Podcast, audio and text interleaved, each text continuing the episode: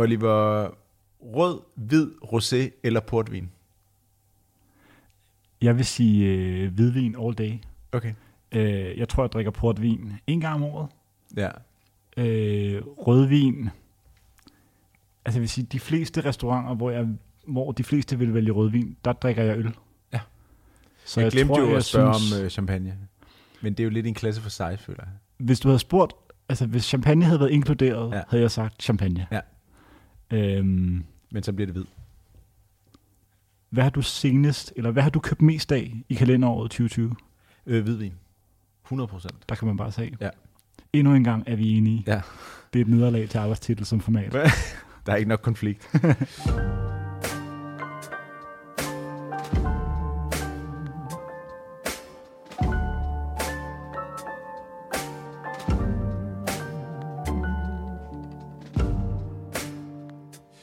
lytter til Arbejdstitel. Nu afsløret Oliver øh, det hele. Øh, ved min side, som sædvanligt er Oliver. Det var ham, der snakkede lige før. Der er også en anden Oliver i studiet. Det er Oliver Knauer. Velkommen til dig Mange tak. fotograf og filmfotograf. Og så er der en genganger, som vi har haft med tidligere, Tim Faith Hancock. Hej Tim. Hej, hej. Du skal ikke se så ked af det. Nej, jeg, øh, jeg ved bare, hvad der venter. Det er jo øhm, alt efter, hvornår man hører det. Årets sidste eller årets første program. Jeg tænker, det er årets sidste. Ja. Det kommer lige på øh, kanten af 2020. Jeg tænker, det her er vores julegave til folket. lytterne. Ja. Når de er helt maxed out på, øh, på det hele. Jamen, når man tænker, nu har jeg ikke brug for mere juleindhold Mm. og flere year-end lister, Ja, så kommer vi til undsætning. der var den. Øhm, vi har jo haft besøg af dig tidligere i år, Tim. Mm-hmm. Så derfor tænker jeg, at vi lige starter med min navnebror Oliver. Oliver, så den sidste episode talte vi om opture.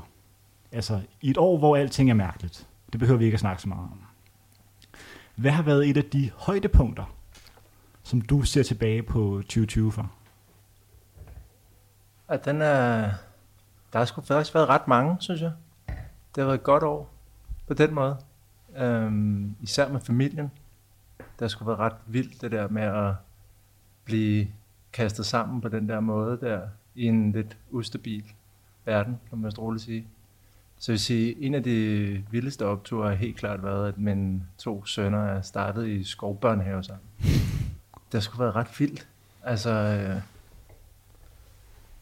de kommer fra en normal sted, og så ligesom komme derud i skoven, og ligesom bare se den der verden, der åbner sig for dem. Det har været ret vildt. Vi begynder at snitte derhjemme. Og det er jo faktisk, fordi du kommer øh, i dag anstigende med en pose fra Spidersport, øh, hvor du har købt, hvad jeg formoder er julegaver. Vi optager det her øh, lige før jul. Som, og du viste mig på vej op ad trappen øh, en dolk og en økse. Ja. Og, din, og så sagde du, at din dreng er to og fire. Ja at det er måske lidt overkill. Altså, det er jo det der med, um, køber man Lego til sig selv eller til sine sønner, men de er sgu ret vilde med det. Altså, jeg er også blevet lidt hooked på det, men det er det der med, at vi skal komme hurtigt afsted med det, og der skal ske noget, så man må ikke gå ned på udstyr. Det er vigtigt. En af de ting, Oliver øh, og jeg har snakket om de sidste par gange i programmet, det er, øh, der har været sådan lidt en ongoing ting med vinterbadning og hoppe i havet.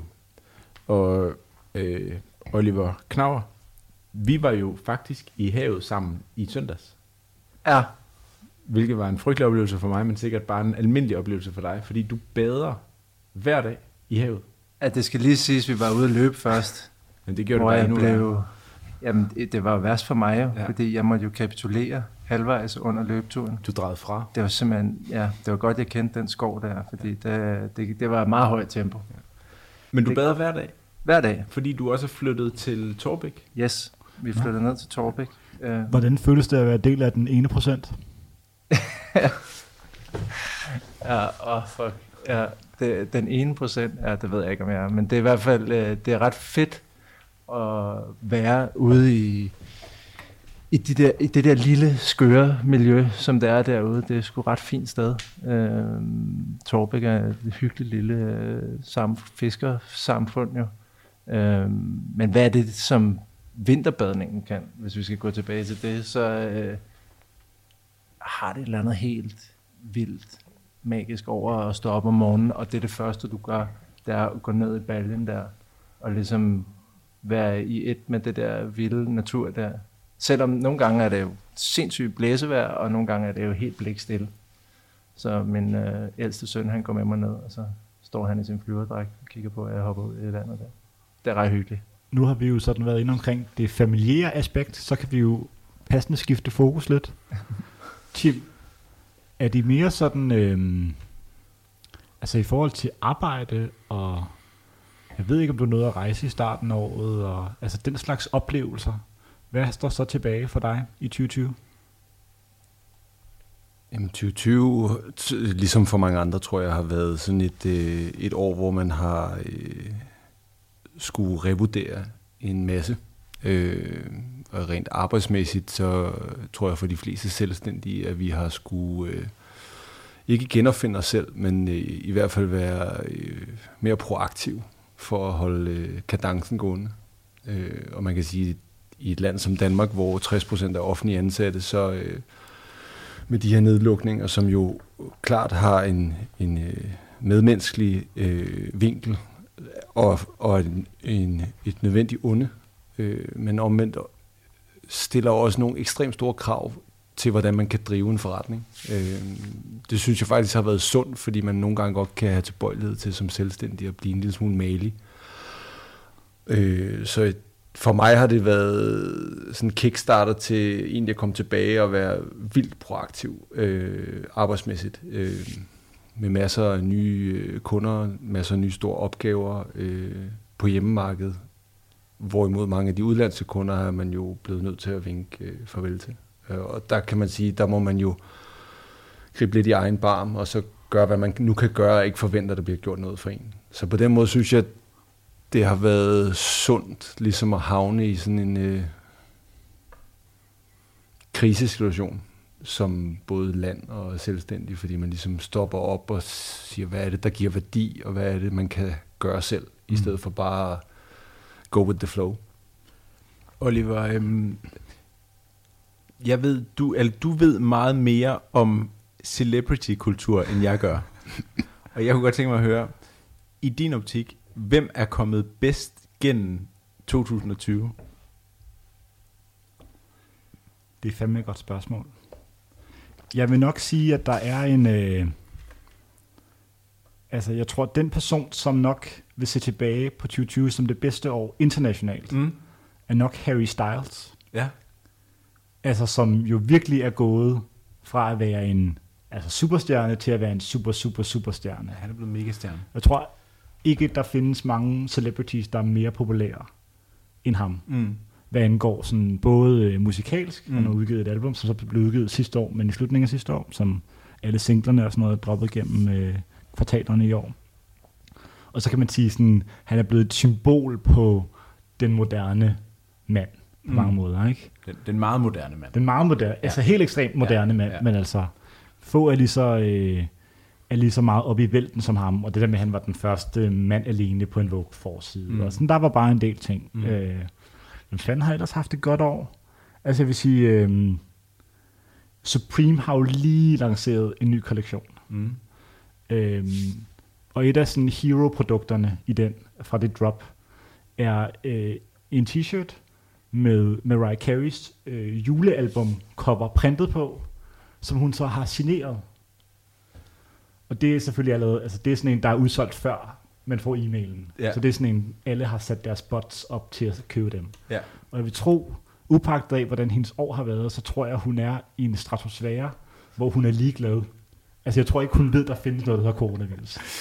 Hun er jo en af mine helt store helte. Yes. Så Øhm. jeg synes, hun er kommet, jeg, jeg vil gætte på, hun er kommet Ja. godt ud af corona. Fordi jeg tror ikke, hun ved, at der var et dårligt 2020 for nogen. helt sikkert. Jeg tror bare, det har været en lang optur. Ja. Hvem har du sådan, som, øh, som du ligesom synes har udmærket sig i år? Både internationalt, og, eller det kan både være internationalt, men også lokalt. Altså hvis man, jeg har sådan en tendens til, når jeg kigger tilbage på et år, og overhovedet ikke kunne huske, hvad der var sket i løbet af året, og så når der er sådan en årskavalkade, så tænker man, alright, klart nok. Jeg synes, at øhm, jeg, jeg bliver nødt til at give den op for Thomas Winterberg, Mm. fordi jeg synes, han har lavet, øh, altså jeg tror, du har kaldt den kronen på hans øh, værk. Øh, altså, du synes, at druk er bedre end festen. Har jeg sagt det? Ja, det mener du Det kan til mig på et tidspunkt. Øhm, og jeg ved ikke, om, om den er bedre end... Det er også, også fuldstændig Mm, irrelevant. ja, ja. Jeg synes bare, han har han er kommet tilbage fra øh, sit livs måske største personlige nedtur. Og så har han bare lavet en film, som øh, nu har vundet øh, awards ved European Film Festival, og nu er på vej op i den helt, helt store liga. Og øh, at det, han har præsteret med den film, øh, og alle de film, han bare sådan har lavet, der ligesom sådan har lagt op til det her store brag, Mm. det synes jeg bare er vildt imponerende. Og så kan man sige, at han rammer, han rammer den på et tidspunkt, hvor der ikke er særlig mange andre film i biografen. Yes. Og han, øh, han rammer den ned i noget, i, i en tidsånd, hvor danskerne øh, mere end nogensinde har brug for at finde noget fællesskab. Og at det så lige er i drukkultur, i Mm. mm. alkoholkultur. Yes. Men den beskrivelse, der er af, øhm, af det i filmen, er fuldstændig fænomenal. Altså, det, det er så godt lavet. Det er jo et portræt af danskheden. På Det er, måde, det er så meget et portræt af danskheden. Altså, der er øh, to ting, som jeg ved om dig, Oliver. Eller der er flere ting, men altså nogle sådan øh, overskrifter. Og der er jo en glidende overgang her. Du har været med i en film ever, og det er en film af Thomas Winterberg. Det er korrekt. En mand kommer hjem, Yes. som han lavede lige efter. Det kan godt være, det ikke er den første film efter festen, men det er ligesom lige i den periode Der var der. et par stykker med. Der var en Joaquin Phoenix-film, og så sagde Ja. han, det skal først være Joaquin Phoenix, og så skal det være Oliver Knauer. Det var også en glidende overgang. Øh, og så ved jeg også, du har arbejdet med altså, den fætterede modefotograf, Mario Testino. Det er også rigtigt. Øh, bare for alle os, som kender Mario Testino fra, altså, som, som en byline, og måske fra The September Issue, altså filmen om Vogue og Anna Wintour, hvor han jo berygtet har et shoot med en af mine personlige favoritter, Sienna Miller, og ligesom nægter at sende andet end fire billeder, eller hvad det er. Altså, hun spørger, kan vi ikke få nogle flere muligheder? Og han siger bare nej. I får de her fire billeder. Altså, jeg ved godt, det er et langt svar, der sikkert er, men altså, hvordan foregår det, når man arbejder med sådan en kæmpe, øh, altså en af verdens største modfotografer? Jamen altså, det er jo i et niveau, som, som man kun ser der. Altså det er jo ligesom, det er jo alle de største stjerner, du øh, fotograferer og laver film med, og det er alle de bedste make artister og øh, stylister, og altså det hele er på så højt et niveau, at det føles næsten lidt surrealistisk. Øhm, og jeg var hos ham i ja, lige knap tre år. Øhm, og det var helt vildt, hvad man oplevede på de der tre år der. Og vi rejste hele verden rundt. Øh, og var nærmest i en ny by hvert, hver, hvad hedder det, øh, uge. Og Mario Sestino og hans følge flyver privatjet. Altså, det var sådan for det meste, det under fem timer var privatfly, og så okay. Derover var for det meste British Airways. Sådan har jeg det også selv. Ja. Super, super ulækkert, når man skal flyve med de der British Airways på første klasse, men altså, man gør jo, hvad man skal. Ikke? Ej, han var, det var, han var han er en fantastisk menneske. Altså, øh, meget sjov øh, stil. Altså, han er jo en, øh, hvad skal man sige, sydamerikansk mand fra Peru, og opvokset der, og tager som, jeg mener, det er sådan noget 23-24 år til London, øhm, og bor på et gammelt hospital, hvor han ligesom møder en masse kreative mennesker, og de bygger ligesom meget af den modeverden, vi kender i dag op sammen. Og hvad hedder det, øh, der har selvfølgelig været en masse andre om det også allerede før, men de får ligesom sammentømret en rigtig stærk gruppe der, hvor at de ligesom får bygget en masse op. Og han ved faktisk ikke særlig meget om fotografi på det der tidspunkt. Øh, jeg husker, han fortalte sådan en historie om, at de skulle op og skyde i noget sne, hvor han ligesom køber en bog om at skyde i sne. Fordi det var jo bare den der gang der, du kunne, ikke, altså du vidste jo ikke øh, og alt muligt. Øhm, men, men han havde et sindssygt drive, altså, og en helt vild åbenhed. Jeg mødte ham i København, hvor han øh, lavede en skydning for, hvad hedder det, V-Man, sammen med Candy Swanepoel og hvad hedder det, nogle andre modeller. Og så en af mine veninder, øh, som er, hvad hedder det, var på det tidspunkt var booker for, hvad hedder det, øh, 2 p.m., ringer til mig og siger, hey, hvad hedder det, Mario skal til København, og vi mangler nogle herremodeller, og kvæg jeg havde lavet den der film, så var jeg ligesom i sådan et eller andet kartotek. Og så øh, siger hun sådan, kan du lige tage dig ud? Og sådan, på det tidspunkt var jeg assistent, og var sådan, jeg skal sgu ikke lige ud og være model derude, det, det går ikke. Og så var sådan, kom on, det, du tager lige derud, ikke? Var det det shoot, der var på Amager Strandpark? Præcis. Ja, jeg kan godt huske billedet Ja. herfra.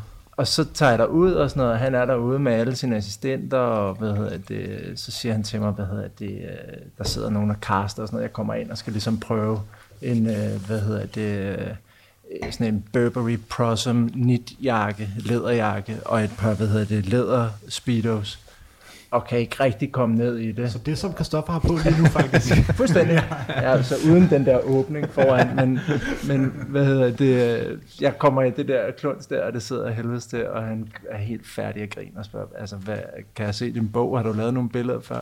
Jeg siger, det, altså, jeg har ikke, jeg har ikke nogen bog, jeg, jeg er fotoassistent. Jamen, det er perfekt.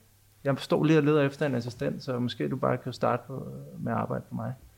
Og så arbejder jeg for ham hen over weekenden, og så var han sådan, prøv at høre, det klikker det her, du skal bare med. Og så røg jeg afsted på den tur. Der.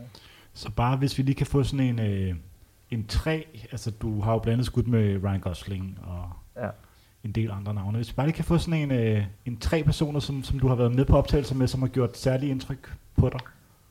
Jeg var, øh, jeg lavede Kate Moss bryllupsvideo. Mm.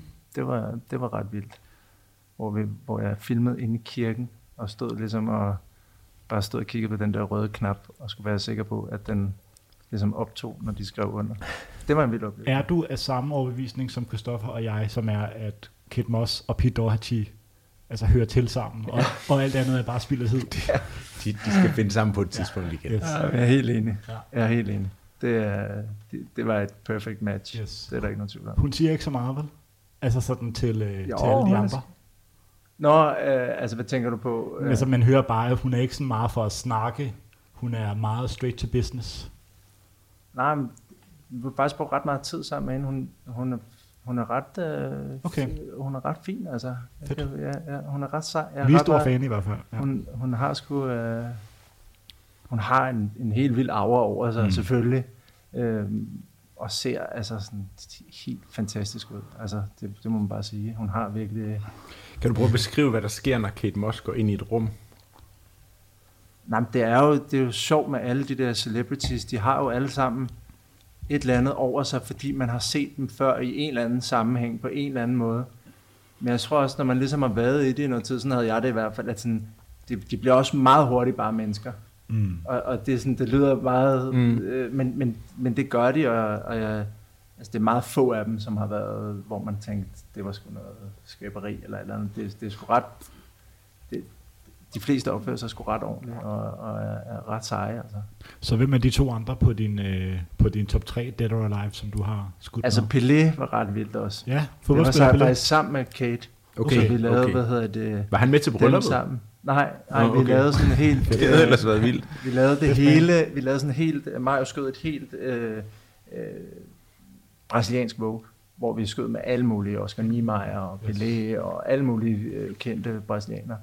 Men det var ret vildt. Han var sådan, det var, det, han var fantastisk altså. Og så øh, Roger Federer. Ja. Han var fucking sej. Altså han var bare sådan, hvor man tænkte, shit. Altså den, også fordi alle kom med et, en flok af mennesker omkring sig, ikke?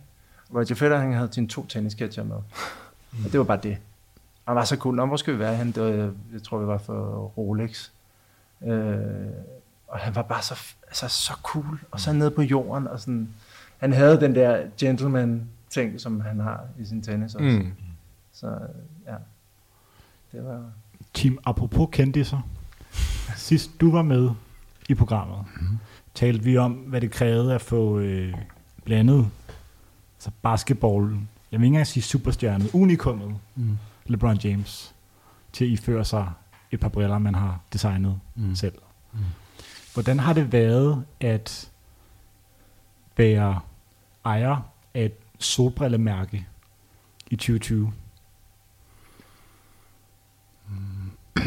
Altså corona-lockdown, i hvert fald i Danmark, øh, gjorde jo, at øh, folk de shoppede øh, relativt hæftigt i starten øh, online. Mm. Udover gær og toiletpapir, så var der også en del, der købte solbriller. øhm, og så, så har der jo været en eller anden globalisering i forhold til, at øh, folk har købt specifikke elementer. Øh, enten har de købt performance-tøj, fordi de ligesom skulle finde på noget at lave, eller de har købt outdoor gear, eller de har købt øh, ting til hjemmet, fordi de lige pludselig skulle konkurrere, eller manglede øh, det rigtige øh, møbel. Jeg vil sige, det er jo ikke nemt at sælge produkter af nogen art, tror jeg, når øh, verden ligesom er i downfall, som det har været, hvor consumerprodukter jo bliver mere og mere overflødet. Men altså, jeg, rent business-wise for mig, rent altså på solbriller, synes jeg, det har været fint. Jeg har været så heldig at indgå et samarbejde med en stor amerikansk kæde, der hedder Saks Fifth Avenue, mm. øh, som har købt nu her. Øh, så på den måde, så kan man sige, at de har jo ikke købt før, og på trods af corona har de lagt en kæmpe ordre, og så jeg vil sige, business-wise har året ikke gjort det dårligere, på trods af alt det, der er sket. Men jeg tror bare, netop som jeg sagde før, jeg tror, at folk får øjnene op for kvalitet og frem for kvantitet, og ligesom vægter det, de så investerer i, vil de gerne have måske en lille smule mere tidsløst, og mm. en, forhåbentlig også bedre kvalitet. Ikke? Øh, så på den måde har det været et sjovt år. Hvordan kan man deal med et amerikansk stormagasin i land? Altså, hvad sker der helt konkret fra... Altså, du har jo været i USA og lavet ja. forretning før. Ja. Men hvordan kommer det ligesom i stand første gang? Hvordan får de øje på et malt, respekt, lille, ja. lille dansk solbrille-brand? Jamen, det var jo også så, så random, som noget kan være. Altså, næsten ligesom Olivers historie i forhold til at møde op og skulle øh, prøve et par læder speedos, og så efterfølgende have tre år, hvor man øh, tænker... Øh, hvor det er vildt, at jeg fik chancen, så tror jeg sådan, det handler om at være på det rigtige sted på det rigtige tidspunkt. Og så gøre noget ekstraordinært.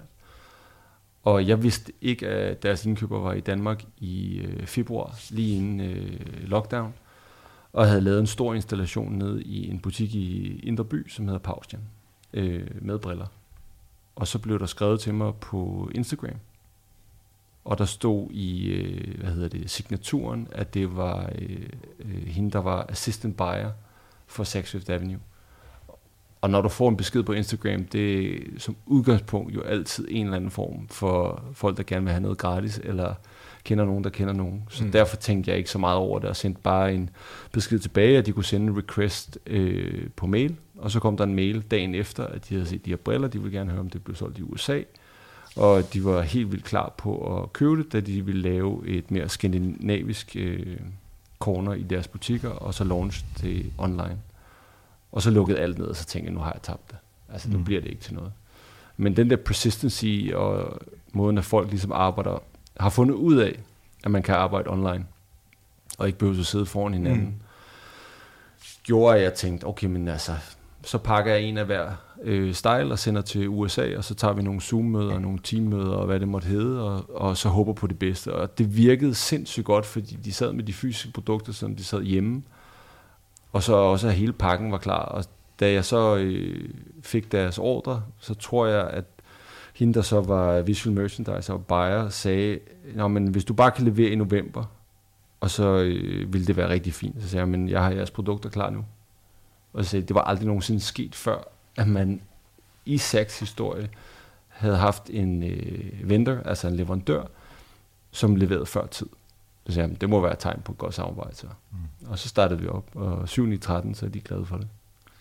Apropos det der med at blive set på de rigtige mennesker. Øhm, et todelt spørgsmål herfra. Hvem kunne du allerhelst tænke dig at se et paparazzi-foto af iført et par af dine briller? Og hvem tror du, det vil være allerbedst for forretningen, blev set i paradigmbriller? Øh, ja, det var et godt spørgsmål. Altså, der er ingen tvivl om, at hvis, øh, hvis vores øh, running for candidate øh, i forhold til at blive præsident Kanye hoppede i et eller andet, så ville det nok være meget godt. Mm. Men det vil heller ikke være min, min drømmeambassadør. Jeg vil nok hellere, øh, hvis jeg skulle kigge på en global person, som ligesom skulle endorse øh, mine solbriller, så sige, at uh, Pharrell Williams vil jeg nok synes var rigtig godt match, fordi han både, lige meget hvad han rører ved, så appellerer det til både kvinder og mænd. og han er bare sådan, det han rører er cool, og det han siger er, er menneskeligt, og det er ikke i overskrifter, han snakker, så jeg synes, sådan personligt øh, vil jeg hellere associeres med en type som ham, som det virker udefra set, som om han hviler lidt mere i sig selv, og ikke er så bipolar som øh, vores anden ven. Oliver, øhm, uden at skele for meget til lockdown og corona og sådan noget. Nu står vi her i det, vi optager nærmest på den mørkeste dag i løbet af året. Mm. Hvis du skal kigge ind i 2021, og sådan ligesom forestille dig den scene i året, i løbet af året, du glæder dig mest til, uanset om det så sker eller ej, Mm. hvad er det så, du tænker på, der ligesom holder dig fra at tage livet af dig selv? Det er tanken om at lande med et fly i en by, jeg godt kan lide, Ja. og ikke skulle tænke på, at det er altså lort, det hele. Ja. Altså, at det er for fornøjelsens skyld. Ja. Det kan sagtens være, at der kommer en opgave, der gør, at man skal flyve til Berlin, eller en af de der sådan, steder, man har kunnet komme til det meste af året.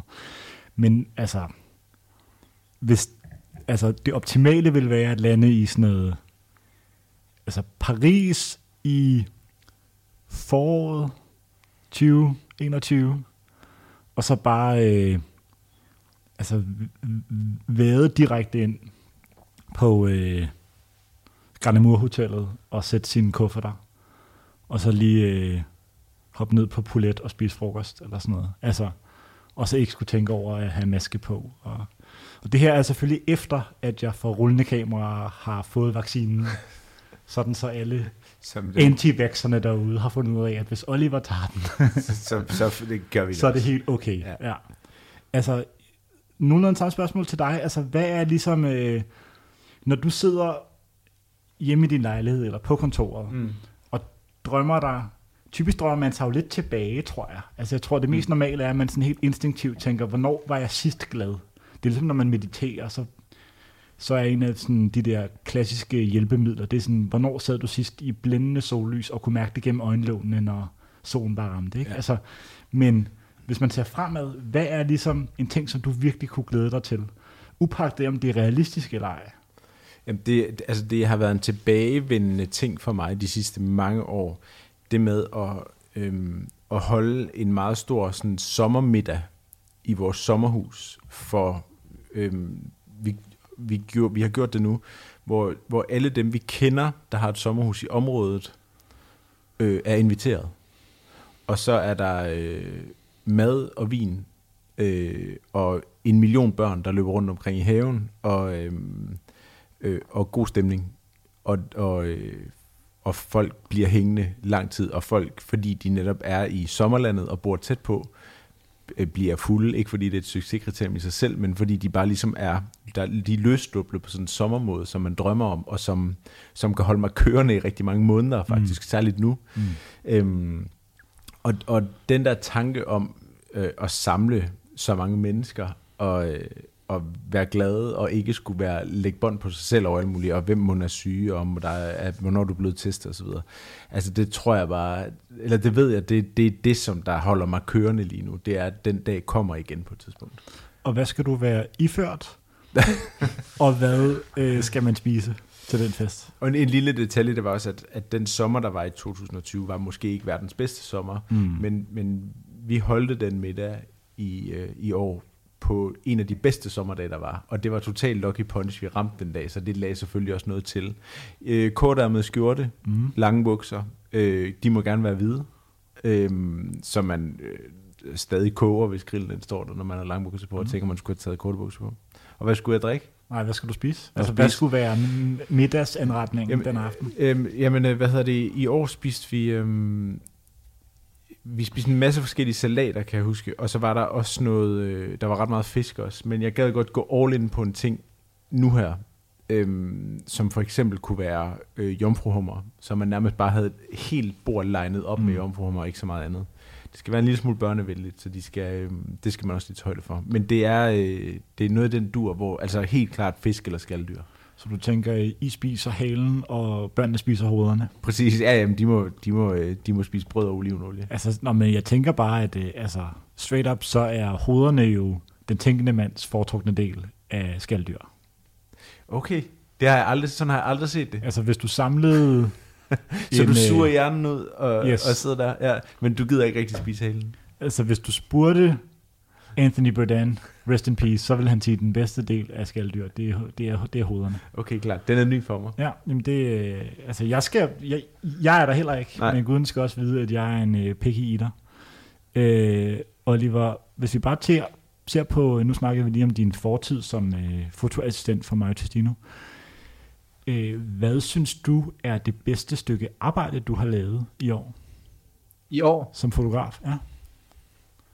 Så hvilken det fotoserie er meget er sjovt. du Øhm, mest imponeret over, eller ja, glad for? fanden, hvad, altså, øh, der, er- jeg har lige lavet et stort projekt for Pandora, som var et sjovt projekt, fordi det var et, det første projekt, hvor jeg både producerede og instruerede en større ting.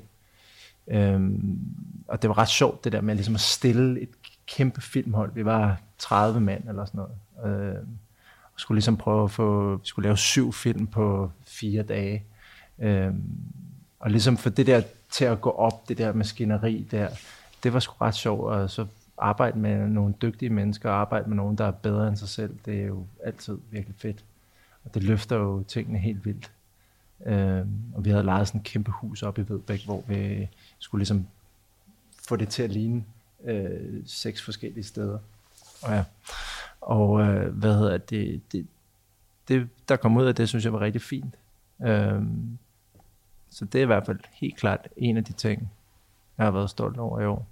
Kom godt i mål. på Hvor mange detaljer er du nede i på sådan en skydning, hvor du er... Øh, er din rolle på sådan en skydning, det er, at du er instruktør? Ja. Hvor meget bliver du spurgt om for eksempel sådan noget med øh, mødetider, øh, hvad skal der være, catering? Øh, hvor meget har du et say på de der sådan, praktikaliteter, eller er det bare noget, der er nogle andre, der beslutter?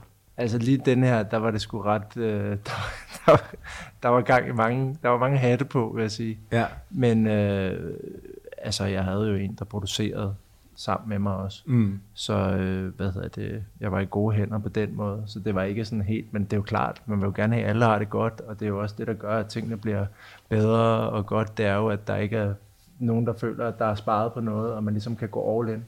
Så jeg vil sige, man, man er nede i de små detaljer. Altså det, det skal man også være for, at det bliver et, et, et godt outcome. Og hvad er et eksempel på det? Altså kan det være, at du, du siger til nogen, at de, de ikke må, øh, må holde kaffepause på et eller andet tidspunkt, eller at de, de skal øh, sætte sig og meditere, eller nu skal vi lige høre et musiknummer, som du vælger, eller hvordan foregår det? Jeg bruger faktisk musik rigtig meget. Ja. Altså, så det er et godt eksempel på at, at sætte en stemning hurtigt. Mm. Du skal eksekvere hurtigt på noget, og du skal have folk i en stemning.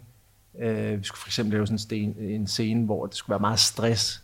Og der spiller jeg sådan et øh, Justice-nummer, som hedder Stress, Mm. som sætter bare en stemning sådan der, mm. på at folk er bare altså, totalt øh, gang i den.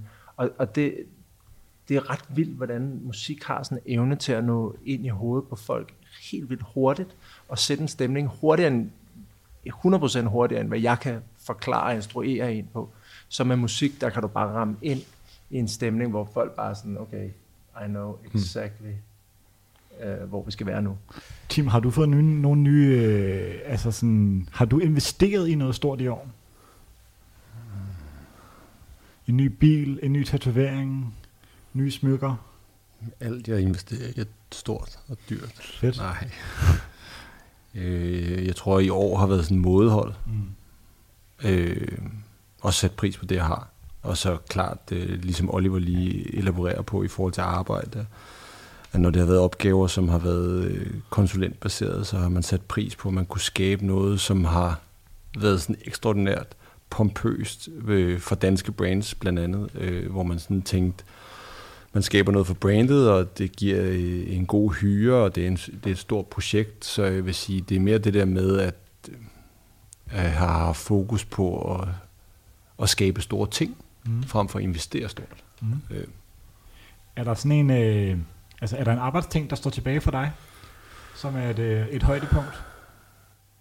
Jamen det er også øh, det er for nyligt, hvor øh, jeg faktisk øh, var så heldig at øh, have Christoffer kort med, øh, men det var også for Dansk Brand, hvor vi på to dage havde øh, Øh, relativt ambitiøst øh, produktionssetup, hvor vi skulle lave øh, film og øh, kampagneskydning og bygge ny website og interview på fem forskellige locations med fem forskellige modeller i to grader og øh, rykke rundt med stor produktionsbus og øh, have alle de her hatte på, både i forhold til sådan creative direction og styling wise og locations og øh, fem modeller, som snakkede fem forskellige sprog og styre assistenter og stillfotografer og filmfolk. Øh, det var en super fed opgave, og, og kunden endte med at blive rigtig glad. Jeg synes også, at resultatet blev øh, øh, faktisk overraskende øh, højt niveau. Mm. Øh, så sådan nogle ting er jo fantastisk, hvis man kommer ud bagefter og tænker, okay, det er jeg faktisk også selv rigtig glad ved. Mm. Og det klappede, og man går derfra og tænker, det er vildt nok, at, at man alligevel kunne koordinere et øh, relativt stort team øh, med så mange øh, locations og så mange forskellige nationaliteter. Så, øh, så det synes jeg faktisk har været en af de, øh, de fedeste opgaver i år. Og det her var for Versace, eller hvad? Øh, tæt på. Øh, Det var et øh, bestseller brand, øh, så det er jo næsten same same. Mm.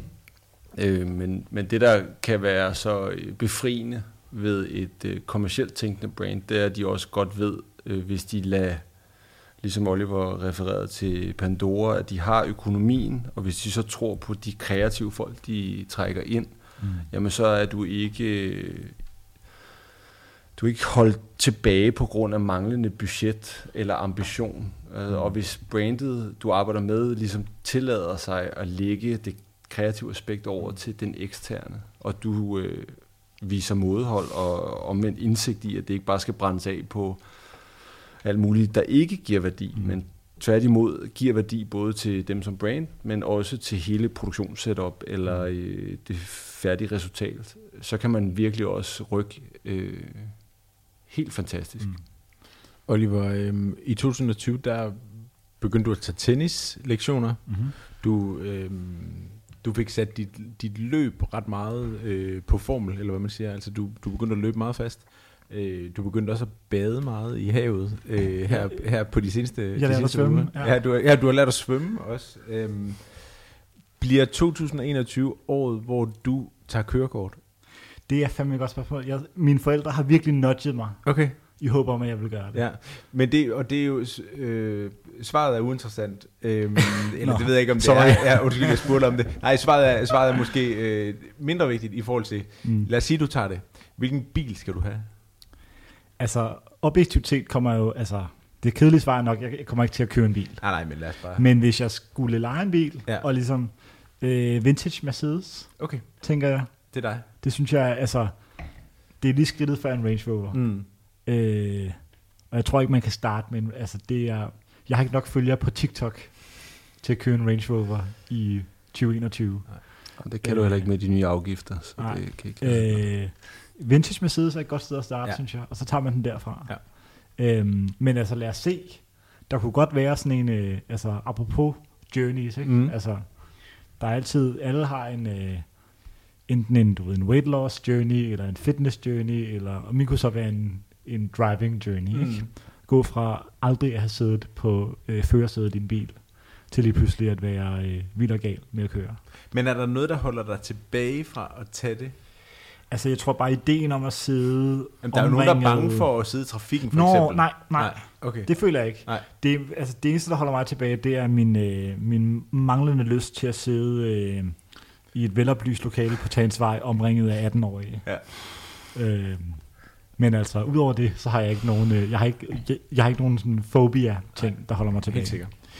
Jeg sad lige og kiggede, øh, vi har også snakket om det i andre programmer, altså sådan, kunne man finde på et eller andet til nytår, som Mm. var sjovere end alt muligt andet, ikke? Mm. Fordi man kan næsten ikke rejse, og der er altså alt muligt andet, der gør det svært at fejre noget Mm. særlig festligt.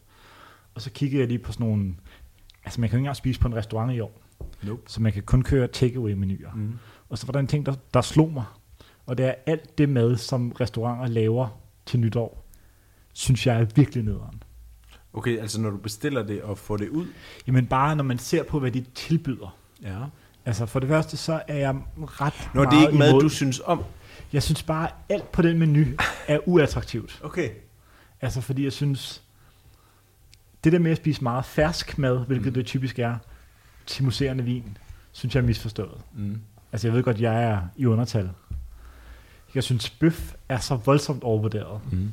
Og så synes jeg, sådan nogle chokoladedesserter eller noget andet kage er sådan lidt to what end mm. Kransekage er også overvurderet. Så jeg kunne godt tænke mig at høre, jeg går ud fra, at du står for nytårsmaden i Korrekt. dit hjem. Korrekt. Hvad er, altså kører du altså den klassiske stil, eller har du ligesom indført nogle, øh, nogle nye retter på det ellers sådan meget statiske menukort, der typisk er i de danske hjem? Vi skal holde nytår øh, med en anden familie, og vi bliver øh, fire voksne og seks børn. Og øh, det betyder, at man både skal lave en voksmenu og en børnemenu. Mm. Og det er et vanvittigt arbejde. Alle voksne er enige om, at vi skal have ret mange østers. Så det skal vi heldigvis have. Så skal vi også have en eller anden form for skalddyr, og så en hovedret, som ikke er så tung. Fordi jeg er heller ikke særlig stor på det der med at- have en steg eller en bøf. Mm. Øhm, jeg kan godt lide chokoladedesserter. Det er jeg stor på. Mm. Men jeg har, ikke, jeg har ikke lavet menuen endnu. Og jeg skal også finde ud af, øh, hvad man kan få fat i af råvarer, eftersom at øh, det hele landet er lukket. Mm. Øhm, men det er meget, øh, det er meget, jeg vil rigtig gerne have mange retter nytårsaften. Så må vi se, hvad børnene skal have. Yes. Oliver, øh, i sidste program, der sagde du, at øhm, hvilket var, altså det var jo nærmest noget, der kunne rydde en overskrift i et, øh, et niche-medie. Det var jo, øh, at du begyndte at lave mad. Ja, det er rigtigt. Altså, det er jo Øhm, nok og, at den, men... og du var begyndt at lave øhm, omelet Mm-hmm. derhjemme. Jamen, det er også derfor, at Tim griner nu, fordi jeg sagde ikke, at jeg var begyndt at lave mad. Jeg sagde bare, at sagde, det er du det, at spiste. lave, det var det, du spiste. Ja.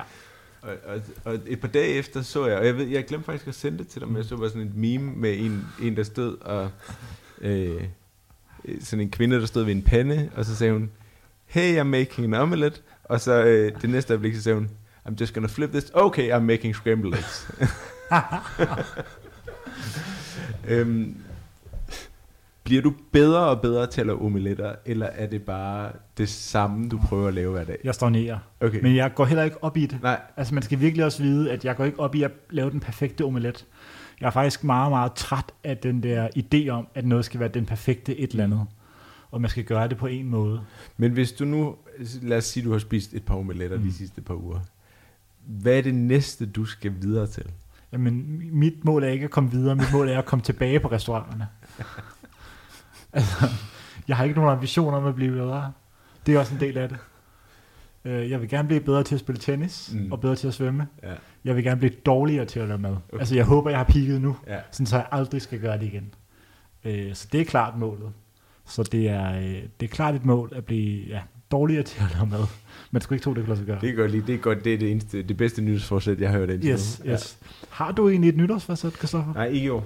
Øhm, jeg har ikke et i år. Det har jeg ikke. Jeg har har, ikke et. har du nogensinde haft et, Øh, altså, som du er, altså, som du har fulgt igennem på? Ja, der har været noget med... Øh, der har været noget med rygningen, Mm. Som, var, som, som jeg opfulgte, eller hvad det hedder. Så du smed din bong ud? Ja, så jeg, den der bong, jeg havde købt i Australien, den fik jeg endelig skilt mig af med. Øh, helt klart. Øhm, det var på et tidspunkt. Men, øh, men ellers har jeg ikke haft nogen nyhedsforsætter. Tim, er du sådan en, der kører nytårsforsæt? Nej, jeg tror ikke på det. Har du nogensinde haft et? Nej. Okay. Oliver, Jamen, altså, jeg har et hvert år. Det holder til den første. hvad er Det- det, i år? Jamen, det er altid, det er sådan noget, jeg finder på det på dagen. Altså, Ah, det, er okay. sådan, det er ikke større end dem. Det, er- man bliver nødt til at snakke med, når folk siger, at de har et nytårsforsæt. Det er ikke, det er ikke dybere end det. Klart. Men man kan jo ikke, ikke have noget. Det er jo uambitiøst, ikke? Altså nu har jeg aldrig været i en setting, der har været så bindende som den her, fordi den bliver øh, optaget, optaget. og øh, altså streamet ud til øh, masserne. Har I lyst til at lave et for åben mikrofon? En ting, som I gerne vil øh, opnå eller blive bedre til i 2021? Jeg vil sige, nytårsforsæt er også så øh, definerende, hvor jeg tror, hvis jeg personligt skulle sige, hvad mit liv fremadrettet skulle indebære, så var det øh, meget mere øh, det tror jeg, de fleste af os som familiefædre, der sidder her rundt om bordet, kan ikke genkende det til. Men meget mere at være til stede i nuet, øh, hvor vi ofte har tilbøjelighed til i den del af verden, vi lever i. Øh, og øh, der er en masse, der skal overstås for at nå hen til noget, øh, både sammen med vores familie og øh, vores små poder og børn og til gode se venner og bekendte og, og alle mulige andre relationer, men det der med at være i, i nuet, sådan en helt lavpraktisk ting, som sidste uge sad jeg med mine øh, to børn, øh, og du ved, sad i flere timer og øh, flettede julehjerter ud af avispapir. Mm. Og den high af at være både til stede og offline og, øh, og være i nuet, det vil sige, det vil jeg nok, hvis jeg skulle have et eller andet forsæt, at det var nok meget mere det. Øh, altså være til stede her og nu, uden at øh, tænke på, hvad skal jeg i morgen. Øh, hvis jeg kan blive bedre til det, så vil det, kunne det måske godt pakkes ind som et, en form for nytårsforsæt. Oliver, du må ikke sige det samme, så du skal finde på noget andet. Ja. Nej, men altså, det er jo den, altså, det er jo den, der fucking skærm der, ikke? Altså, som, som generelt tager op meget tid. Altså, som, altså, som Tim siger, han sidder med sine unger. Jeg sad også med mine unger, men jeg sad og kiggede ned i min telefon forleden, ikke? Øh, hvor at, øh, min ældste søn står og hiver i mig sådan, ja, ja, slå nu af, altså. Jeg- Jeg sidder lige og fikser noget, ikke? Altså, det, det er jo den der sådan konstante afledning af ikke at kunne være i det. Øhm, nu siger jeg det samme. Men, men på en eller anden måde, så er det, tror jeg, en, en ting, som vi alle sammen skal blive bedre til. Øh, og det er at være til stede. Altså det, det, det er ødelæggende for, for et samfund, synes jeg, at man, at man er så meget øh, to steder eller et andet sted, end der, hvor man i virkeligheden er. Øh, og, og, og det er helt klart noget, som jeg har arbejdet på i lang tid, mm. men som er udfordrende, fordi at der sker så mange ting på det device, øh, i form af fucking øh, mobile pay og ting, der popper op, og altså, det, det er helt klart at prøve at, og, hvad hedder det, øh, være der, hvor man er 100 procent. Det, det, det, vil, det vil være det bedste nytårsforsæt for mig i hvert fald. Kan vi ikke lige, bare lige inden vi går til overvurderet og undervurderet, ikke? Så kunne jeg godt lige tænke mig at høre, Tim, Mm.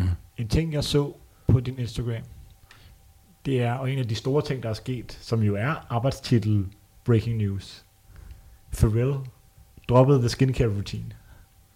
Altså, alle de mennesker, der i årene har sagt, fortæl os, hvad du kommer i ansigtet for at se så ungdommelig ud. Han har lanceret sit eget skincare brand. Han har lavet en human-made kollektion af øh, skønhedsprodukter.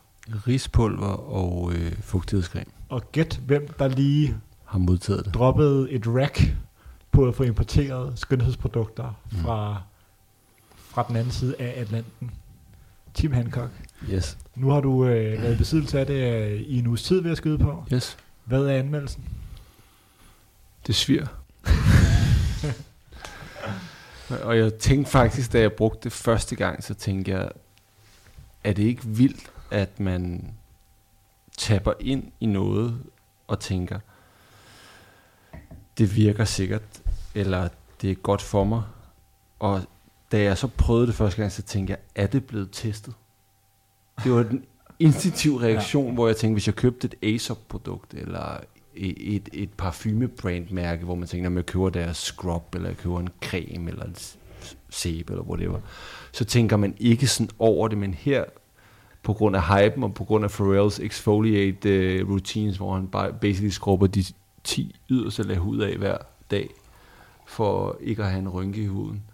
Øh, og jeg er jo ikke i nærheden af at være øh, nogen form for andet end dans, så jeg har ikke noget asiatisk i mig, ligesom han har, som ligesom gør, at hans hud er markant anderledes. Øh, men øh, indpakningen er fed, brandet er fedt, det giver total mening i forhold til det, han laver, og, og så var det bare sjovt. Det, et sjovt fun fact var, at shippingen kostede halvdelen af, hvad produktet Mm. kostede, for at få det til Europa. Yes. Ikke? Øh, fordi det var ikke dyrt, og gimmicken er sjov. Men øh, ja, jeg har det, og det sviger.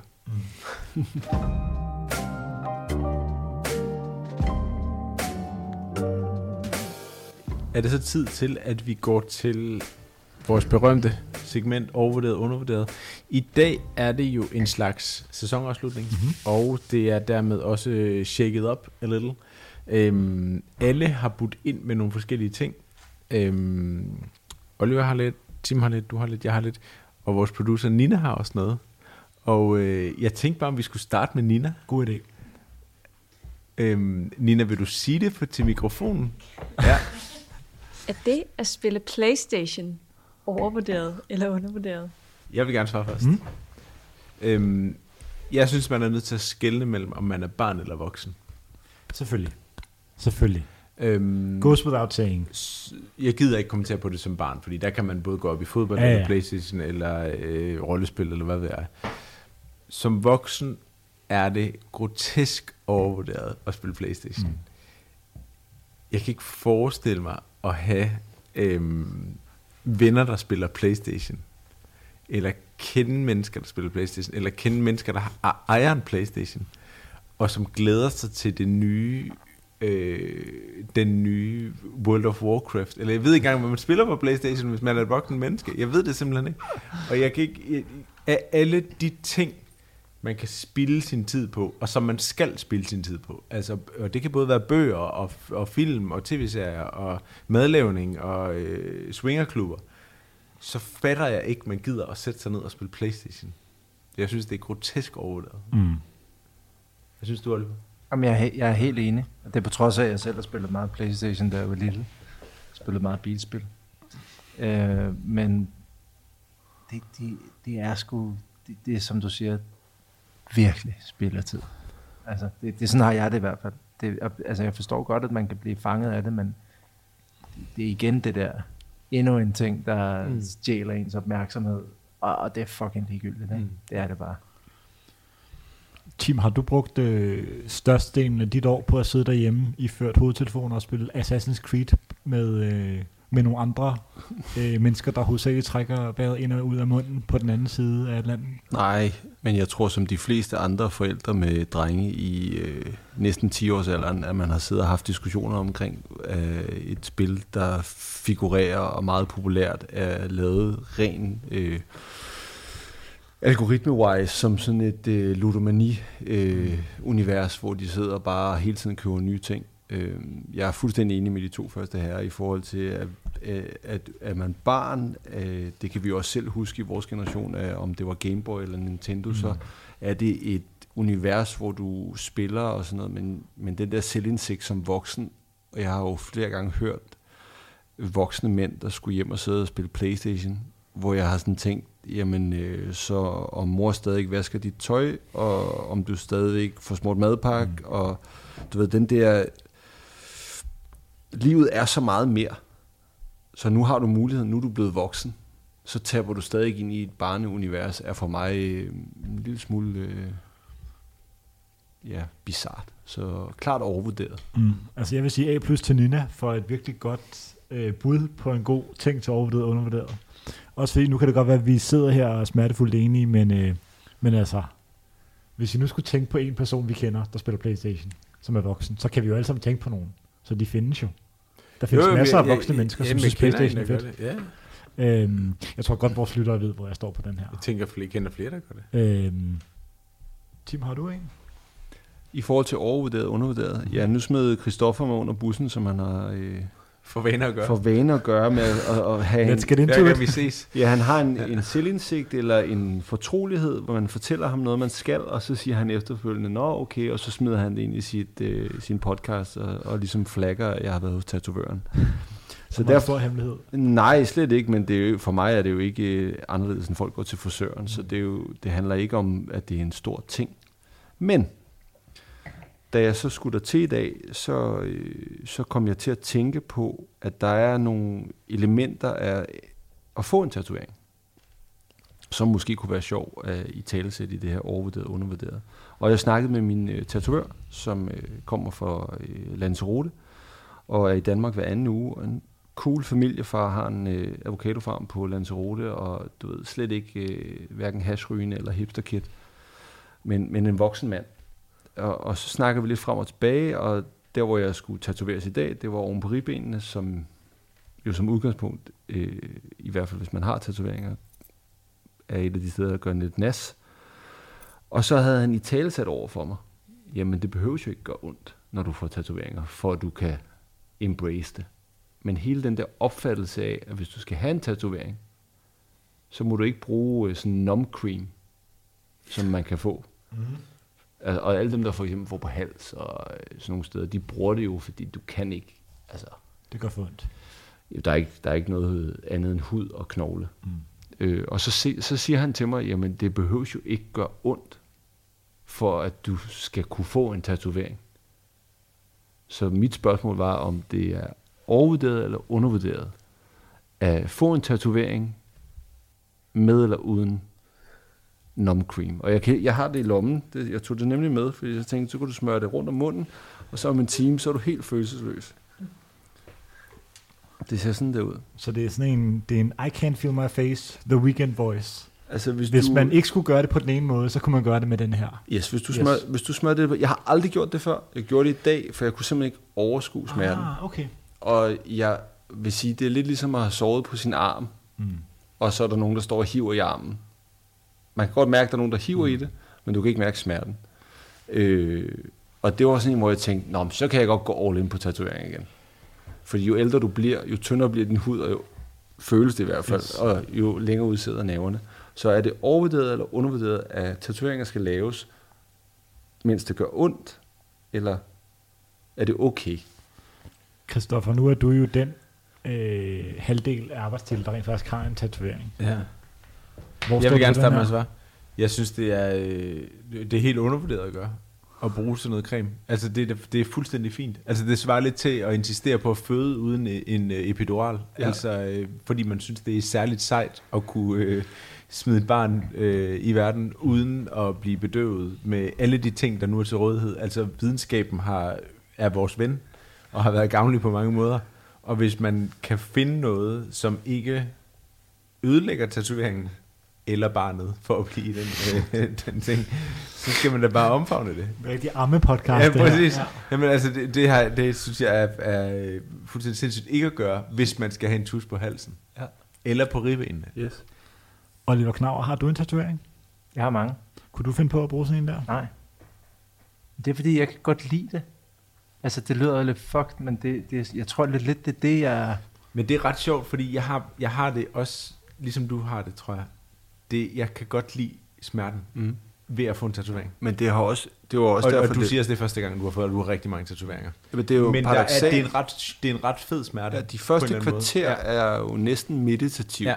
med smerte, og Ja. så taber du over med så mange endofiner, Ja. ja. at det bliver øh, næsten terapeutisk. Ja, det gør det. Mærkeligt nok. Så det var også en mærkelig... f- øh, Jeg tænkte, okay, det skal bare overstås. Det var noget, jeg ikke havde fået lavet, og jeg gad egentlig ikke. Og det der med at få smerte på en gammel tatovering, der skal tegnes op, versus en ny tatovering, var sådan lidt, okay, nu prøver jeg det. Men det er netop en del af at blive tatoveret. Derfor var det også mærkeligt at ligge der, mm. og han kunne mosle igennem på min ribben. På 45 minutter var han færdig, mm. hvor normalt havde det måske taget øh, halvanden time agtigt. Men fordi man bare, man ligger jo næsten og har en helt normal samtale, ligesom vi sidder her. Er. Men Oliver, du kalder overvurderet på den her? Ja, altså ja, men jeg har heller ikke lige så mange som Tim jo, så jeg, jeg har masser af plads stadigvæk. Øh, så det kan godt være, hvis jeg, hvis jeg kommer op i den liga, at jeg overvejer at ty til den. Men, men jeg synes, at det, for mig er det lidt en del af det. Det skal sgu gøre lidt ondt. Altså, jeg er splittet, fordi jeg ved intet om at få tatoveringer på halsen eller andre steder, der gør ondt. Altså, på den ene side, så vil jeg sige, hver gang jeg øh, har, øh, altså, eksempelvis bare, øh, altså, er blevet boret hos en tandlæge, eller fået reddet en tand ud, eller sådan noget, så har jeg aldrig flyttet med tanken om at sige, nej, nej, bare gør det raw, fordi så er jeg en rigtig mand. Øhm, så det vil være, altså, det vil være, øh, hypotetisk af mig, at skulle sige, at det var smerten, der bare skulle tages ind. Men jeg vil sige, hvis jeg skulle vende den om, og blive lidt mere poetisk, så vil jeg sige, øh, det at tage smerten ind, altså, om det så er, fordi man løber langt, eller hopper i vandet, eller på anden måde ligesom siger, at det her er et mål, jeg har sat mig, eller en ny tatovering, jeg skal have mig, og så sige, så må jeg betale prisen for det. Altså, hvor øh, jeg har aldrig taget til tandlægen for sjov. Nej. Men hvis jeg ligesom skulle sige, det her er på eget initiativ, det her er også et bjerg, jeg skal bestige, Mm. på en eller anden måde. Jeg skal have det fulde ud af det. Øhm, så kan jeg egentlig godt anerkende, og det kommer ikke til at handle så meget om tatoveringer, men ideen om at sige, at det her er et mål, det kommer til at gøre ondt, og, øh, og så tager jeg den smerte, der kommer med det. Den respekterer jeg. Oliver Knauer, har du en, øh, et bud på noget, vi skal vurdere? Hvorvidt er overvurderet eller undervurderet? Ja, altså, øhm, jeg tænker lidt, om det kunne være brugt eller nyt. Altså, så du spørger egentlig lidt om vintage er overvurderet eller undervurderet? Nej, altså Nå. mere sådan generelt. Hvad, hvad, altså, hvor meget kan man købe brugt? Vi lever ligesom i en tid nu, hvor at sådan, vi har et sindssygt overforbrug. Ikke? Altså, det, det, det er virkelig voldsomt. Ikke? Vi har bare snakket om det derhjemme, om man kunne købe brugte ting i julegave. Mm. Altså, jeg tror godt, jeg kan lave... Altså, nu var det jo et lidt formuleret spørgsmål, så hvis jeg skulle formulere det selv, så vil jeg kunne komme det ned i tre kategorier. Og så må I jo selv, om I vil følge de, de kategorier. Så den første er tøj. Og jeg synes, at købe brugt tøj er overvurderet. Jeg respekterer, at man gør det, men for mig kommer jeg ikke til det. Jeg vil meget hellere købe noget og bruge det i lang tid. Det er også derfor, jeg ikke køber high street mærker. og Sådan. noget. Jeg vil meget hellere købe noget, som jeg har i lang tid, indtil det bliver brugt. Ligesom jeg ikke kan lide at købe øh, altså sådan noget pre-distressed tøj. Jeg synes, ideen om at købe noget, der er huller på i forvejen, er øh, meget ud af trin med min øh, smag og idé om, hvordan man skal købe tøj. Øh, møbler. Klart fan af at købe noget, der er second hand. Altså vintage. Øh, jeg synes, Alto-stolen ser bedre ud brugt, end den gør ny. Øh, og så vil jeg sige smykker. Vil jeg faktisk sige, det kan selvfølgelig skifte lidt, men øh, hvis man skal have øh, altså Trinity-ringen fra Cartier, eller deres Love Bracelet, eller et øh, Rolex eller sådan noget, så vil jeg 100% hellere købe det vintage, end jeg vil købe det nyt. Også fordi det på en eller anden måde øh, har en historie. Øh, og medmindre man er meget rig, vil jeg egentlig også sige en brugt bil. Altså mindre man har en særlig ambition, om man skal have det nyeste nye, så synes jeg, at ideen om at købe noget, altså gamle biler ser federe ud end nye biler, i de fleste tilfælde. Så jeg vil nok sige, at de tre kategorier, kan jeg godt sige, hvad jeg synes er overvurderet og undervurderet. Christoffer, hvor stod du den? Jamen, jeg, jeg synes, øh, jamen, jeg synes alt, alt, der er brugt, er undervurderet. Altså, hvis man kan øh, genbruge noget, eller, eller øh, tilskrive det en værdi, så andre også kan få glæde af det, så synes jeg, det er øh, absolut undervurderet.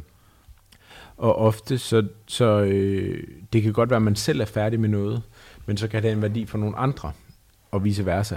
Altså, og, og dermed synes jeg også, at altså det kan godt være, at man er, man er blevet træt af at se på noget, eller, eller man, ens børn er vokset fra det, eller man selv er vokset fra det.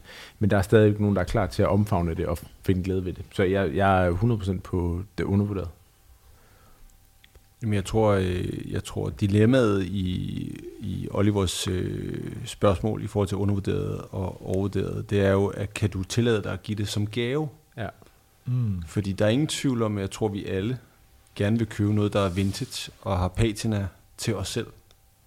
Men er det lige så god gave at give i det her tilfælde, jeg går ud fra, at man står og kigger på noget legetøj, der basically er sprit nyt, men ikke i original indpakning, og året derefter kunne man give det til sine egne børn. Vi begyndte faktisk at gøre det sidste år Ja, med nogle af børnene, som ligesom arver hinandens ting, fordi ja. de er øh, øh, to år, to år, to år intervaller. Ikke? ja. og det bliver jo aldrig slidt ned. Nej, det bliver ikke Og man kan sige, de ting, som, som jeg synes, at Oliver nævner, er jo også... Et, jeg ved ikke, om du nogensinde har været i Østen, men øh, vintage-tøj i Østen er lidt ligesom vintage-smykker og vintage-biler og sådan noget. Der kan man gå ind, og så køber du noget, hvor du tænker, det er et unika, og det er...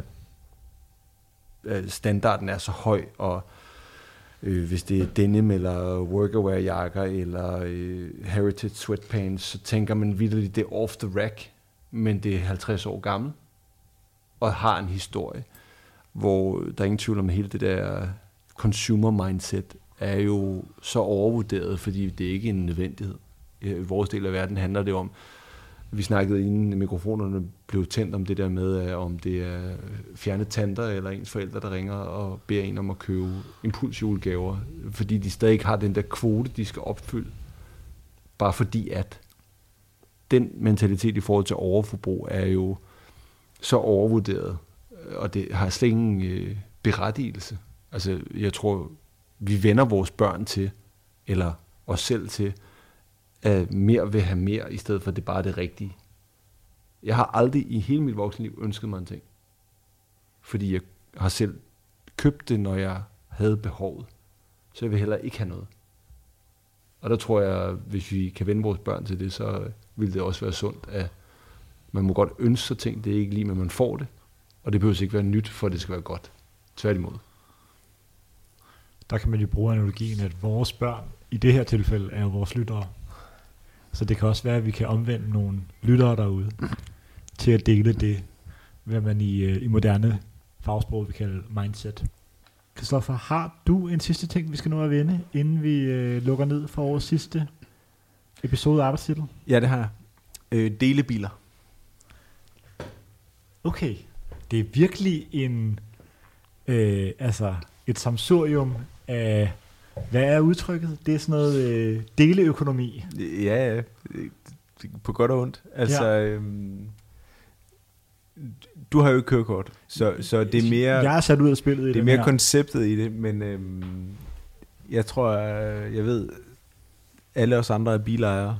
Altså jeg kan jo Og, starte med øhm, bare lige at sige, at ja. jeg, altså, jeg har jo kørt me- mere i taxa end de fleste, altså bare i kalenderåret, Mhm. og i hvert fald i de sidste tre år, end de fleste kører i hele deres liv. Så jeg vil sige, jeg, jeg, jeg har jo virkelig købt ind i, i altså, Godt det. teorien om delebil. Ja. Altså jeg deler taxaen med alle mulige andre, alle mulige der andre. skal have den den Ja. dag. Så øh, undervurderet. Men det er, øhm, tanken er, eller spørgsmålet er, de der biler, som, som holder på gaden, som man kan, tage, som man kan, kan, kan lege ultrakorte perioder, eller go more, er det overvurderet eller undervurderet? Det er totalt undervurderet. Mm. Altså, jeg synes, det igen også, altså man kommer tilbage til de der ting der, hvor sådan, hvordan optimerer man sin økonomi, og hvordan bruger man sine penge rigtigt? Altså, og det, det giver da totalt mening med en delebil. Altså, jeg synes, det er en total no-brainer. Mm. Altså, og det er ærgerligt, at det ikke kan nå bredere ud end, end til hovedstadsområderne, fordi det, det er latterligt, at vi alle sammen skal have en bil selv. Og, at, altså, jeg har totalt været fanget i det selv, men hvorfor? Hvorfor fanden skal vi alle sammen have en bil selv? Det er jo totalt unødvendigt. Mm. Så totalt undervurderet. Jeg ville gerne sige det samme, men har det ikke sådan. Øh, og det er nok udelukkende en eller anden form for, jeg lider måske af OCD i 9. potens. Og tanken om at sætte mig ind i, hvad der svarer til en DSB Coupé, hvor der har været en gang teenager med tipsposer og øh, skal køre til familie et eller andet sted øh, i en bil, hvor man bare tænker, at altså, den er et, super klam, to, man ved alle sammen, når vi har været ude at rejse, hvis man sætter sig ind i en lejet bil, hele første dag trykker man for hårdt på speederen, for hårdt på bremsen, man har ikke fundet ud af airconditionsystemet, og radioen virker ikke ordentligt. Det har vi alle sammen siddet, både i Marbella og Sydeuropa, i Frankrig, og hørt øh, en eller anden lokal radiostation, og blevet en lille smule irriteret over en 3,5 times kørsel. Og der kan jeg meget godt lide det der med at sætte sig ind i egen bil. Der er ingen tvivl om, det er øh, jo klart et overforbrug, især hvis man bor i, i København. Men jeg synes, at udbuddet i forhold til, hvad man potentielt kunne få ud af det, er overvurderet. Hvis det blev... Altså, det er sådan en offentlig transport i miniatyrudgave. Mm. Det er for dyrt, men ikke godt nok, men vi vil gerne have, at du bruger det. Og der tænker jeg sådan lidt, hvis man nu vendte den om, at det blev ligesom øh, Uber egentlig var tiltænkt, da det kom ind i Danmark, så vil jeg hellere bruge sådan en service, end at have de her lånebiler alle steder, fordi convenient er der, og der er mange flere mennesker, der vil bruge dem. Øh, så overvurderet. Altså, jeg personligt så... Øhm, jeg tror, man siger, at ens bil holder stille. Altså sådan noget 95, 97, 98 procent af tiden. Fordi det er så sjældent man bruger den, sådan en gennemsnitlig byboer, som mig selv i hvert fald, øh, af alle døgnets timer. Øh, jeg kan godt se den gode idé i delebiler. Jeg bruger dem selv ret ofte. Jeg har sådan et Sharenow abonnement, og øh, er glad for det. Øh, jeg elsker min egen bil. Altså, jeg elsker den. Jeg elsker at sætte mig ned i den. Jeg elsker at køre i den. Jeg elsker, at jeg bare lige connecter med min øh, hvad hedder det, Airplay, og så hører jeg det musik, jeg gerne vil høre. Jeg kender alle funktionerne i bilen. Jeg ved lige præcis, hvor meget jeg kan have i bagagerummet. Jeg ved lige præcis, øh, hvordan jeg ved lige præcis, hvor den holder henne. Øh, jeg skal ikke til at ind i en eller anden app og finde ud af, om der holder en øh, 100 meter eller 500 meter væk. Øh, og den der convenience er stadigvæk øh, alt for mig. Og så, så er det også bare stadigvæk, som du også var inde på, Oliver, altså der er det der, den der, det der kritiske problem, der gør, at det kun er i hovedstaden. Og det er det, som også er en dealbreaker for mig i forhold til at være, altså kaste mig 100% ind i delbil, delbilsprojektet. Det er, at mit kørselsbehov er langt større end bare hovedstaden. Det er også derfor, jeg har en bil, og derfor kan jeg ikke bruge det. Og der synes jeg, der er noget paradoxalt i, at øh, når jeg virkelig har brug for en bil, så skal jeg køre langt. Øh, jeg kunne sagtens cykle i hovedstaden, hvis ikke delebiler fandtes. Jeg gør det kun af convenience, han en gang imellem, når det regner.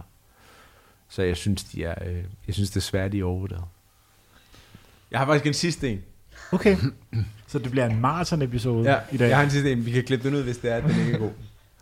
McDonald's. som McDonald's overvurderet eller undervurderet. Det er, det er spørgsmålet. Er, kan vi gå, er det kun milkshaken? Du bestemmer den- selv. Du bestemmer selv. undervurderet. Altså, guderne skal vide, at jeg er glad for, altså, mad, der smager godt, selvom det ikke er godt for mig. Og det har været, øh, altså, det er stadig til den dag i dag den største udfordring for mig, fordi jeg prøver at øh, leve relativt asketisk. Øhm, men jeg craver aldrig McDonald's. Mm. Øhm, jeg har så mange ting, jeg hellere vil spise end noget fra McDonald's. Jeg kan huske, der er sådan et gammelt interview, da, da David Chang ligesom øh, virkelig er populær i, i New York og åbner Momofuku-restauranten og Momofuku Co. og sådan noget. Der sidder han med Anthony Bourdain, og så diskuterer de sådan nogle altså, guilty pleasures. At de stadig har sådan noget med en mac and cheese fra et supermarked eller sådan noget. Altså, det kan de godt lide. Og så siger David Chang også chicken nuggets med barbecue sauce. Jeg vil bare sige, det der gør fucking jack shit for mig. Okay. Altså, det er så uinteressant for mig. Mm. Og derfor bliver jeg bare nødt til at sige, at i alle de der feberhvielser, man kan have, når man er allermest sulten, og hvis man har fastet i lang tid og drømmer sig væk til, øh, til nogle øh, hurtige kulhydrater, så McDonald's bare aldrig noget af det, jeg overvejer, mens jeg øh, sidder og planlægger, hvad jeg skal spise, når jeg igen får lov til at spise om 24 timer. Så derfor bliver jeg nødt til at sige, at det er voldsomt overvurderet. Jamen, øh, hvis det så er min tur, så, øh, så tænker jeg, som øh, den første af tre familiefædre, så tror jeg, vi alle sammen kender bilturen. Øh, børnene er ikke sultne, inden man sætter sig ind i bilen. I det sekund. Sekundet døren er lukket, og de ved, nu er du på motorvejen, så er de sultne. Og det ved de, fordi at der er to muligheder. Junk food eller junk food. Mm. Og alle de gange, man har holdt i drive-in, og de skal have nuggets med barbecue sauce, og, og man selv A, B og C. Og jeg vil sige, jeg vil, ligesom Oliver, øh, hellere fylde tanken op med noget, der giver værdi, end en tomhed, som McDonald's mad for mig er. Så jeg synes, at McDonald's øh, er overvurderet, og jeg har aldrig nogensinde stået efter et McDonald's måltid. Måske på nær deres milkshake, som øh, den anden Oliver nævnte, hvor man tænkte, at når man havde drukket den, at man tænkte, at det var okay. Men alt deres spiselige produkter, jeg vil ikke kalde det mad, det er produkter, mm. har jeg aldrig efterfølgende tænkt, og nu er jeg midt på en god måde. Jeg spiser lige en til, fordi det var så godt. Det er ikke ligesom italiensk mad, hvor altså, det vil jeg hellere have som det der Mm. death row øh, meal. Mm. Så klart overvurderet. Oliver. Jamen, jeg har, jeg har en ting for den der vaniljemilkshake der, men jeg tror faktisk aldrig, jeg har spist et, et, et uh, McDonald's måltid, hvor jeg ikke har fået det dårligt bagefter. Altså sådan rigtig skidt. Så det er jo totalt poison, ikke? Altså, så, så det er... Ja, Men vi giver vores børn det. ja, ja Spis det nu klart. bare det.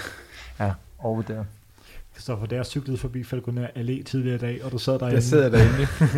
helt alene og fyldte dig Hvad er så din, øh, din overordnede holdning til McDonald's?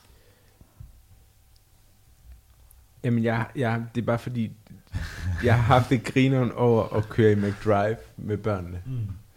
Og der er noget, der er noget sjovt i McDonald's-universet, fordi du, du, tager, du, du kører ud af sådan en leverpostejsfarvet middelklasse dansk kontekst, og så kører du alt andet lige ind i et amerikansk Tivoli-univers. Mm. Og det er der bare noget fascinerende over. Og jeg bliver stadig fascineret af McDonald's. Jeg synes stadigvæk, det er sjovt. Jeg synes ikke, det er så sjovt at gå ind på, på strøget på McDonald's, eller på Falconer Allé, eller alle mulige andre steder. Men i den der sådan... Altså, jeg synes stadigvæk, det er fantastisk, du kan, du kan køre ind og bestille mad ind igennem vinduet, og få det leveret ind igennem vinduet. Det synes jeg stadigvæk er genialt. I en lånebil. I en, i en delebil. Men så skal jeg bare lige høre, de der øh, Cactus Jack, Travis Scott McDonald's jeans, du har på nu, Præcis. er det nogen, du selv har købt, eller er det nogen, du har fået i gave? Fik jeg tilsendt sammen med Teams uh, Human Care fra Pharrell. Ja. Vi har betalt vildt meget 12. Øhm, jeg, jeg, jeg har det bare griner over McDonald's stadigvæk, og jeg synes, man, man dømmer det for nemt ud. Jeg, jeg, jeg synes, det er undervurderet at, tage, at køre ind omkring McDonald's. Bliv i bilen. Mm. Ikke gå ind på restauranten, men bliv i bilen. Og så, øh, og så se børns begejstring i øjnene over, at det rent faktisk er muligt at blive i bilen. Få mad stukket ind igennem ruden. Ja. Øh, jamen altså skud ud til, øh, til McDonald's Ja. for at være øh, Sponsor af dansk podcast. sponsor af The Pod. tak fordi du var ja. Gyldne Måge. Illuminati-trækkerne ud over Ja. det hele. Er det ikke på den note? Jo. Vi øh, ønsker vores øh, lyttere øh, god jul og go- godt nytår. Og siger tak, fordi I øh, lyttede med både til denne episode og til de resterende episoder, vi har fået produceret i år. Øhm, er vi ikke enige om her rundt om bordet, at vi er optimister på vegne af 2021? Jeg håber ikke, det kan blive værre. Sammen. Øh, og med det, med det sindstilstand, og, og i det sindeslag, Siger vi tak til Asger og Peder for, musikken. For musikken skud, ja. Oliver Knauer for at være gæst. Team Faith Hancock for at være gæst. Det har været en fornøjelse. Tak til Nina for at levere øh, teknik, produktion, journalistik, det hele. Og altså for ikke sidste gang, tror jeg, et bud på en ting til overvurderet og undervurderet. Nej, hun er fast gæst nu. Ja. Tak til dig, Oliver. Tak til dig, Kristoffer. Det har været en fornøjelse igen. Og øh, tak til alle lytterne, fordi at I troligt hænger ved. Vi kan ikke gøre det uden jer.